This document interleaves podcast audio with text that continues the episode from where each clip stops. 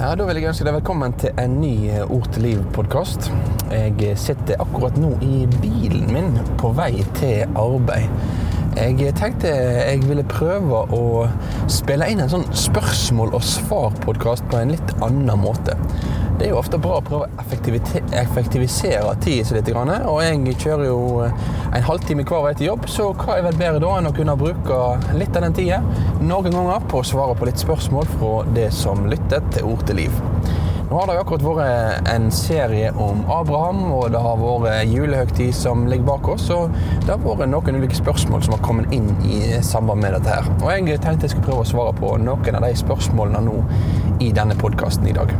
Og da forstår du at når jeg sitter og kjører bil, så blir det litt mer sånn impulsive svar. Kanskje ikke alltid like gjennomtenkte og strigla. og Kanskje ikke har alle bibelvers jeg kommer på sånn helt for hånden alltid, men eh, jeg håper uansett at det kan være fruktbart for deg å lytte til.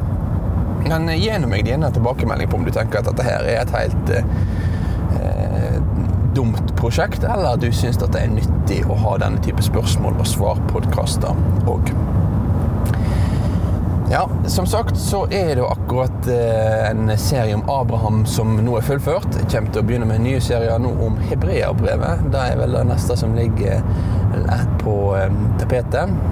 Men nå er det da spørsmål knytta til Abraham-serien som har vært.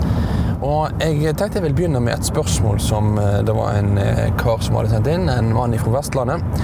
Han har stilt meg da et spørsmål. Og det spørsmålet det handler om eh, hvordan eh, vi skal forstå logikken i Det gamle testamentet. At det ser ut som at eh, etterkommerne av enkeltpersoner de, eh, de blir velsigna eller fordømte på bakgrunn av det som forfedrene har gjort. Da er det jo Abrahamshistorien, og i Abrahamshistorien så er det veldig tydelig at, at i han så skal alle jordens slekter bli velsigna. Og Så skriver da denne innsenderen at vår moderne tankegang den er jo at vi er ansvarlig for egne handlinger. Og ikke kan straffes for fedrene våre sine synder. Men sånn opplever han ikke alltid at Gud tenker. Ja, jeg syns dette var et eh, spennende og, og egentlig veldig godt spørsmål. Og eh, før jeg liksom begynner å prøve å grave litt mer i den bibelske materien rundt dette, så vil jeg bare eh, stille et lite sånn her eh, ikke motspørsmål, men mer litt sånn undring knyttet til akkurat det som er vår grunnleggende overbevisning, og at vi er sjøl ansvarlig for våre handlinger og våre liv. Og det er jo ingen tvil om at det er det dominerende i vår tankegang. Du og jeg, vi er ansvarlige, og det mener jeg er det dominerende i Bibelen uten tvil òg. At et menneske står sjøl ansvarlig for sitt eget liv. Vi skal alle gjøre regnskap for Gud en dag. Og sånn er det jo i, i, mitt liv. Om jeg gjør et godt eller et dårlig valg, ja, så går det først og fremst utover meg. Men er ikke realiteten likevel enn at vi faktisk blir påvirka av det som mennesker rundt oss faktisk gjør? For å ta et litt sånn absurd eksempel. Hvis far din har eh, bygd opp et gigantisk selskap og blitt mangemillionær på bakgrunn av det, så drypper det jo kanskje, eller sannsynligvis litt på deg som neste generasjon òg. Det er ikke sånn at bankkontoen din er tom automatisk. Nei, vanligvis er det sånn at det som òg foreldrene der, det har konsekvenser. Eller motsatt vei. Hvis han har satt seg i stor gjeld og ei stor skyld, ja, så er det du som òg må bære dette ansvaret som neste generasjon. Så grunnleggende så er vi ansvarlig for våre egne handlinger. Men samtidig har våre handlinger her og nå òg på godt og vondt store ringvirkninger. Så da vil jeg bare at vi skal ha med oss i bakhodet at det er faktisk ikke en, ikke en sånn her eh, eh, absolutt sak i dag heller at alle mennesker begynner på et nullpunkt. Selv om vi kanskje kunne likt det på et vis, så er det sånn at eh, vår slekt, vårt opphav, vår bakgrunn og det som skjer rundt oss og vår kultur, den preger oss på godt og på vondt. Men eh, videre til det som da på en måte var mer av hovedkjernen i dette spørsmålet. her. Hvorfor ser det ut av og til i Bibelen som at det som foreldrene gjør, det har store ringvirkninger for neste generasjon? Det er en, en tekst i Det gamle testamentet som er ganske sånn interessant med tanke på dette her. Og det er andre Mosebok kapittel 34, er det vel. Der eh, møter Gud Moses på Sinai-fjellet. Moses han blir spør, spør Gud om å få se Herrens herlighet. Og I den sammenhengen så eh, går Gud forbi han, og så roper Gud ut navnet sitt til Moses. Slå gjerne opp i 2. Mosebok kapittel 34 og, og les her hvordan Herren beskriver seg sjøl for Moses. Og merk deg at dette sier Herren til Moses rett etter at israelsfolket har vraka Herren for en gullkalv. Og Da begynner Herren med å understreke hvordan han er mild og nådig, sein til vrede at han ikke holder tilbake sin miskunn. Og så kommer det da om at dette som har å gjøre med at han vil da velsigne og gi tusen slektsledd. Men samtidig så står det videre at han lar ikke den skyldige forbli ustraffa. Da beskriver han hvordan eh, i tredje og flere slektsledd ja, så vil òg synd ha sine konsekvenser. Hvorfor tar jeg med denne teksten her nå? Jo, jeg tar med i første omgang for å vise deg at òg i Bibelen så blir forholdet mellom velsignelsens ringvirkninger og syndens ringvirkninger det er ikke to like faktorer. Dette er en velsignet i slektsledd, og så holder han ansvarlig i tre til fire slektsledd. Hva kan dette vise oss? Jo, det kan vise oss at først og fremst så er det at Gud handler med oss mennesker når, når, når, Gud lar oss få del i Abrahams velsignelse, når vi får bli en del av Guds folk, så viser at det er noe av hans store nåde. I tusen slektsledd så ville han la sin godhet strømme videre. Og da tenker jeg, da kan vi merke oss Når vi leser gjennom Gamle testamentet, også, så leser vi om ulike konger. Og de gjør godt, men mange av de gjør forferdelig mye vondt òg. Men hvis du ser på kongene i Juda, så kan du se hvordan gang etter gang så blir det understreket at eh, Herren vil likevel bevare sitt rike for kong Davids skyld. Pga. den kong David var, og det han hadde gjort, så ville han bevare sitt rike. Og dette viser oss velsignelsens store ringvirkninger. Men hva da med den andre delen, der det står at ja, men det er jo snakk om at, at ting går videre til tredje og fjerde slektsledd òg. I den sammenhengen så kan det være interessant å merke seg det som står i gjennomgangen av de ti bud. For da blir det understreket i 2. Mosebok kapittel 20 at Gud han er den som holder tredje og fjerde slektsledd ansvarlig. Han er den som forfølger synda mot de som hater Herren. Og Poenget der da ser ut til å være at ja, når neste generasjon og neste generasjon og neste generasjon fortsetter i syndene til forfedrene, ja, så må òg de bære ansvaret for akkurat dette her. Hvis de vender om til Herren og tror på Han, så kommer de inn under Herrens velsignelse. Men normalen er jo da at foreldre ofte blir påvirka av å handle i samsvar med handlingsmønstrene til foreldrene sine. Så det som jeg har prøvd å understreke for deg nå, i fall, da er det at eh, ja, vi finner, vi finner en sammenheng i Bibelen mellom våre handlinger og våre medmennesker. At våre handlinger de preger menneskene vi har rundt oss. Samtidig så er det sånn at vi sjøl framfor alt står ansvarlig for våre egne handlinger. Og jeg vil si at Noen av disse tekstene her om eh, Gud som straff i tredje og fjerde slektsledd, de har òg blitt misbrukt og misforstått på feilaktige måter. Det er bl.a. en del som, som tenker og praktiserer det som vi tenker på som generasjonsforbannelser. At hvis det er noe som preger oss mennesker på godt eller vondt, ja, så kan det være pga. at våre fedre eller besteforeldre eller hva det være, skal kunne ha syndet på et eller annet vis. Og så må vi ta et oppgjør med akkurat dette her. Selv om ikke vi har hatt et aktivt ansvar i det sjøl. Spesielt i en del andre kulturer så er dette her en, en utbredt tankegang. Men vi tror da ut ifra Bibelen at eh, når et menneske kommer inn i Jesus Kristus, kommer til tro på han, ja, så kommer en òg inn under Guds velsignelse. Da står en i Kristus Jesus. Og da skal jeg få vite at den velsignelsen som Kristus Jesus har satt i stand for meg, ja, den er den som skal vare i tusen generasjoner, i tusenvis av år. Som du og jeg òg i dag får stå i og hvile i.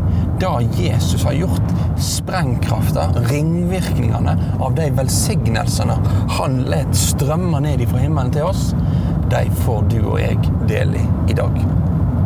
Og det er jo faktisk til sjuende og sist òg vårt håp.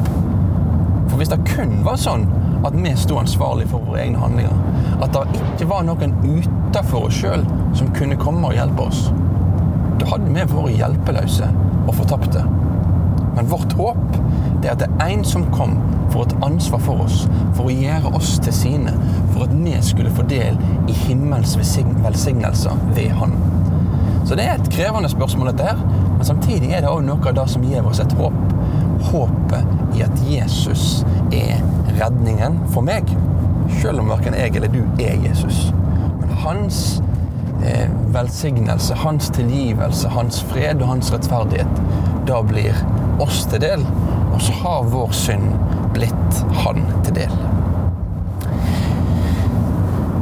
Ja, så er det kommet ett spørsmål til. Og det spørsmålet da er jeg fra, fra ei dame i Nord-Norge, eller fra Nord-Norge. Og hun har egentlig stilt to spørsmål. Det første spørsmålet det handler om hva, hva var det som var grunnen til at Gud utvalgte Abraham?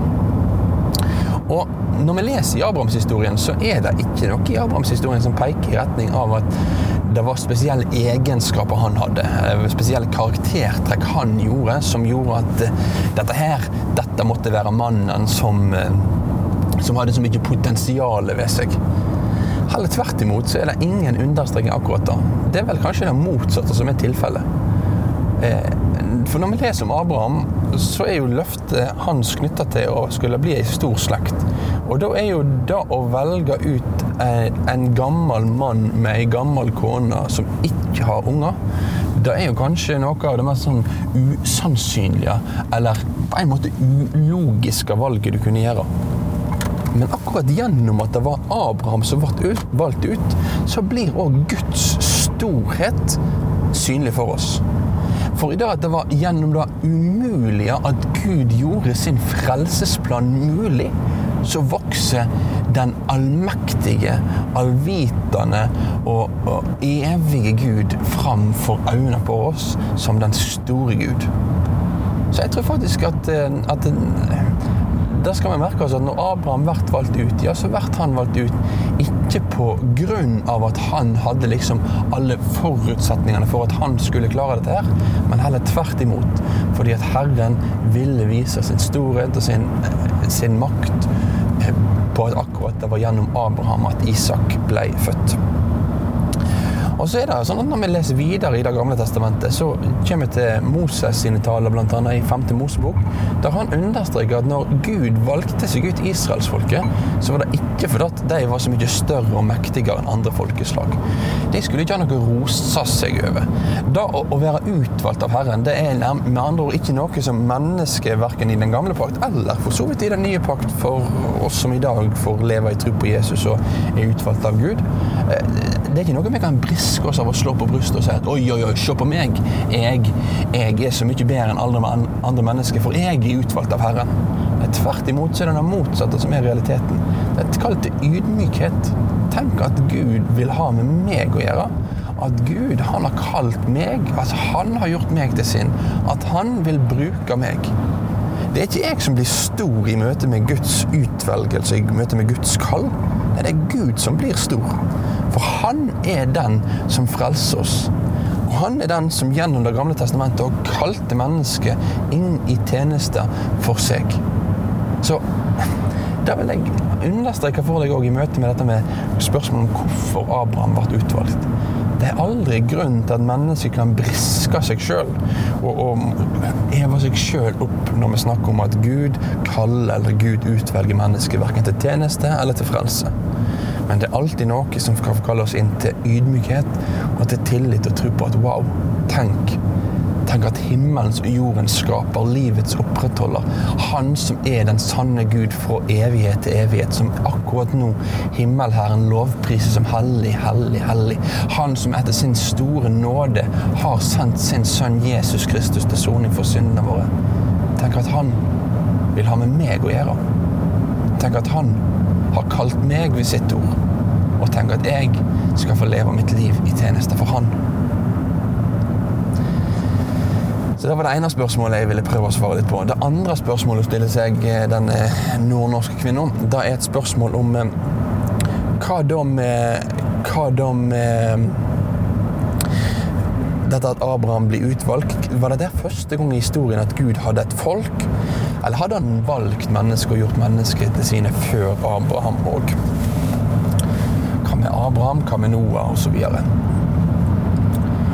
Jo, da vil jeg veldig tydelig si at dette er på ingen måte første gang i historien at Gud handler med mennesket. Eh, historien begynner jo med at Gud skaper mennesket i sitt bilde. Han skaper mennesket til fellesskap med seg. Abraham og Eva de blir skapt i Edens hage. Så kommer syndfallets realitet inn i verden. Og som en konsekvens av det ja, så blir et skilje mellom menneske og Gud. Men òg hele veien gjennom historien fram til Abrahams konge så kan vi se at Gud er den virksomme Gud i verden. Gud er den Gud som virker, som er nærværende, og som òg mennesket i større og mindre grad òg tror på.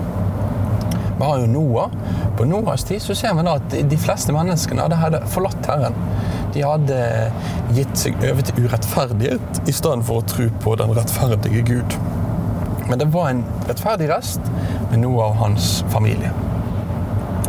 I tillegg så er det jo sånn at når vi faktisk òg kommer til, eh, til Abrahamshistorien, vi var så vidt innom det i en av Ord til liv-episodene, så er det litt interessant da å merke seg at plutselig ut av ingenting så dukker Melkisedek opp. Og det er mulig å tenke at Melkisedek er den preinkarnerte Kristus, altså et Guds sønn som synlig åpenbarer seg i Det gamle testamentet. Men eh, jeg mener at en mer nærliggende tanke er å faktisk tenke at Melkisedek er en reell konge og en reell prest som tjente og trodde den evige, sanne Gud, og den samme Gud da som Abraham òg trodde på. Og hvorfor er dette her eh, viktig og interessant? Jo, det er jo interessant fordi det viser oss at òg på Abrahams tid så var det spor av mennesker rundt omkring i verden som hadde ei sann gudstru. Eh, selv om de ikke da var i direkte fysisk slekt med Abraham. Men når Abraham møter Melkisedek, så ser vi at han merker veldig tydelig at her er det et åndelig slektskap at de har del i den samme trua. Og Abraham bruker det samme ordet på Herren som òg Melkisedek har brukt. Så da tenker jeg er en interessant sak å merke seg akkurat det. Så når Gud da utvelger Abraham, ja, så gir han det med tanke på at gjennom Abraham og hans slekt så skal alle jordens folkeslag bli velsignet. Men det er ikke sånn at Guds frelsesplan eller Guds handlinger med menneskene starter først med Abraham. Nei, vi har noen spor og noen hint også, som viser oss at også tidligere i historien, og helt fram til Abrahams tid, ja, så var det mennesker med andre kulturelle bakgrunner som hadde et eh, sant og rett forhold til Herren. Så er det et tredje spørsmål jeg har her, fra ei anna kvinne som jeg tenkte jeg ville ta med helt mot tampen. Og eh, det er et spørsmål eh, egentlig merket litt opp mot julebudskapet. da. Eh, det kom i samband med at vi nå har feira jul. og, og da, da, var det stilt et spørsmål om denne slektstavla til Jesus. I Jesu ettertavle i Matteus 1 så står det jo at Jesus han er han, eller Josef han blir listet opp i Jesu ettertavle. Men så er jo Jesus Guds sønn, så hvordan kan dette her forklares? Han er jo ikke Josefs sønn, men han er Guds sønn. Så hvorfor står Josef i Jesus slektstavle i Matteus kapittel 1? Da er det et par saker jeg tenker jeg vil si om akkurat det helt til slutt. Eh, for det første, eh, vi skal merke oss at Eh, slektstavla til Jesus den eh, står i Matteus kapittel 1. Lukas har også slektstavle, men Matteus' slektstavle den blir satt opp for å vise hvordan Jesus står i et jordisk slektskap til Abraham og til David. Altså Han står i et jordisk slektskap til Abraham, som løftet om velsignelsen var knytta til, som vi gjorde et fokus på i denne Ord til liv-serien, og til David, som var den store kongen. Og så var det jo gitt løfte om at i Davids slekt ja, så skulle òg det komme da en ny konge. Så det blir viktig å understreke da at denne personen som kommer, Jesus, han kommer av Davids slekt og av Abrahams slekt. Dette er viktig fordi at det var dette som var den messianske linja. Det er her løftene om Messias sitt komme i Det gamle testamentet er knytta til. Det er knytta til akkurat denne slekta her. Og hvis Jesus da med kredibilitet skulle faktisk kunne si at 'jeg er Messias', ja, så måtte han være av denne slekta her. Og da er det sånn at Josef ja, han er av Davids slekt, og han er av Abrahams slekt. Og eh, da kan vi kanskje problematisere og si at ja, men da er det jo utfordrende, for at Jesus han er jo da ikke biologisk i denne slekta her. Han er ikke en biologisk etterkommer av, Jos, nei, av Josef, ja, og dermed heller ikke av David og Abraham. og Det kan jo være interessant da, for oss å bringe biologien inn på banen over til, men, men vi må ikke glemme at heller ikke i vår biologiske verden i dag, så, så opererer jo vi med at hvis et barn blir adoptert inn i en familie ja, så regner vi jo da barnet som en fullverdig del av og medlem av denne familien her. Sant? Blir du adoptert inn i en familie, så tar du vanligvis dine foreldres etternavn. Og, og, i gammel tid så er det jo sånn at slektskapet da ble ført gjennom farslinja. Så selv om Abraham ikke er Josef sin biologiske etterkommer, så er han i aller høyeste grad en sønn av Josefs slekt. Han blir regna til Josefs slekt. Og Derfor så sier folk andre plasser i evangeliet nå at her er han som er sønn av en tømmermann. Og de beskriver hvem denne personen her Jesus da faktisk er. Så, så merk deg dette her. Det er viktig å poengtere akkurat da at Jesus kommer av Josefs slekt fordi han er Messias. Han som skulle frelse folket sitt fra syndene deres. Og så stiller spørsmålet samtidig, og, eller tar spørsmålet samtidig med dette her, at ja, men Jesus er jo Guds sønn. Så hvordan kan det henge sammen? Og Det er akkurat det som er realiteten, og som er viktigheten ved julens budskap, og det budskapet vi har fått brukt tid på nå i julet. Det er jo det at han som blir født, han er sann Gud, og han er sant menneske. Gå til hebreerbrevet, gå til andre skrifter i Bibelen, der du ser veldig tydelig hvordan det er avgjørende at han som skulle kunne bli en frelser for mennesket hos Gud, han var den som både måtte være Gud og menneske. Han kunne ikke kun være Gud, for han måtte òg bli et menneske. En av oss for å bli vår stedfortreder, for å dø vår død og bære våre synder. Men samtidig så måtte han òg få være Gud, fordi han var den som skulle tre fram for Guds ansikt for vår skyld. Vi skal merke oss akkurat dette her. Viktigheten av at Guds sønn, Jesus Kristus, han er både Gud og menneske. Derfor kan vi si at ja, han er Josefs sønn, selv om ikke han er det biologisk. Han er Marias biologiske sønn, men, men han er Josefs sønn på den måten at han ble regna til Josefs slekt. Men han er òg fullt og helt Guds sønn. Sånn er Jesus. Sann Gud, sant menneske. Og Det er et av de store mysteriene som vi skal bruke litt tid på å undersøke mer i den kommende serien som vi nå skal ha om hebreerbrevet i Ord til liv. Men det var alt eh, for denne gang. Det ble jo sånn, eh, blir jo litt lenger når du bare sitter og drodler i bilen. Men jeg håper at eh, det kan ha vært nyttig for deg. Og forhåpentligvis kanskje du har fått svar på noen spørsmål du har gått og tenkt litt på. Og hvis dette her er interessant, hvis du tenker at ja, dette var et type konsept som jeg syns funka, gi gjerne en respons på det, og så kan vi se om det blir lignende episoder i framtida òg. Få med deg eh, Ord til liv-episodene som kommer framover. Nå går vi tilbake til vanlig sendeplan med sendinger to ganger i uka. Da blir det en serie om hebreerbrevet, og så holder vi på å putle. Lurer på om vi skal putle på med en serie om Esekiel etter hvert, faktisk. Men eh, vi får se hva jeg kommer til. Eh, Camilla, kona mi, avgjør litt på det. Hun må snart spille inn en serie om Esekiel, så jeg får se om, eh, om hun får viljen sin der. Men uh, uansett så håper jeg at du får en god dag videre i dag. Spre gjerne ord om ord til liv til enda flere, sånn at flere kan begynne å lytte på denne podkasten. Og så uh, ja, snakkes vi om ikke så altfor lenge. Ha en god dag videre.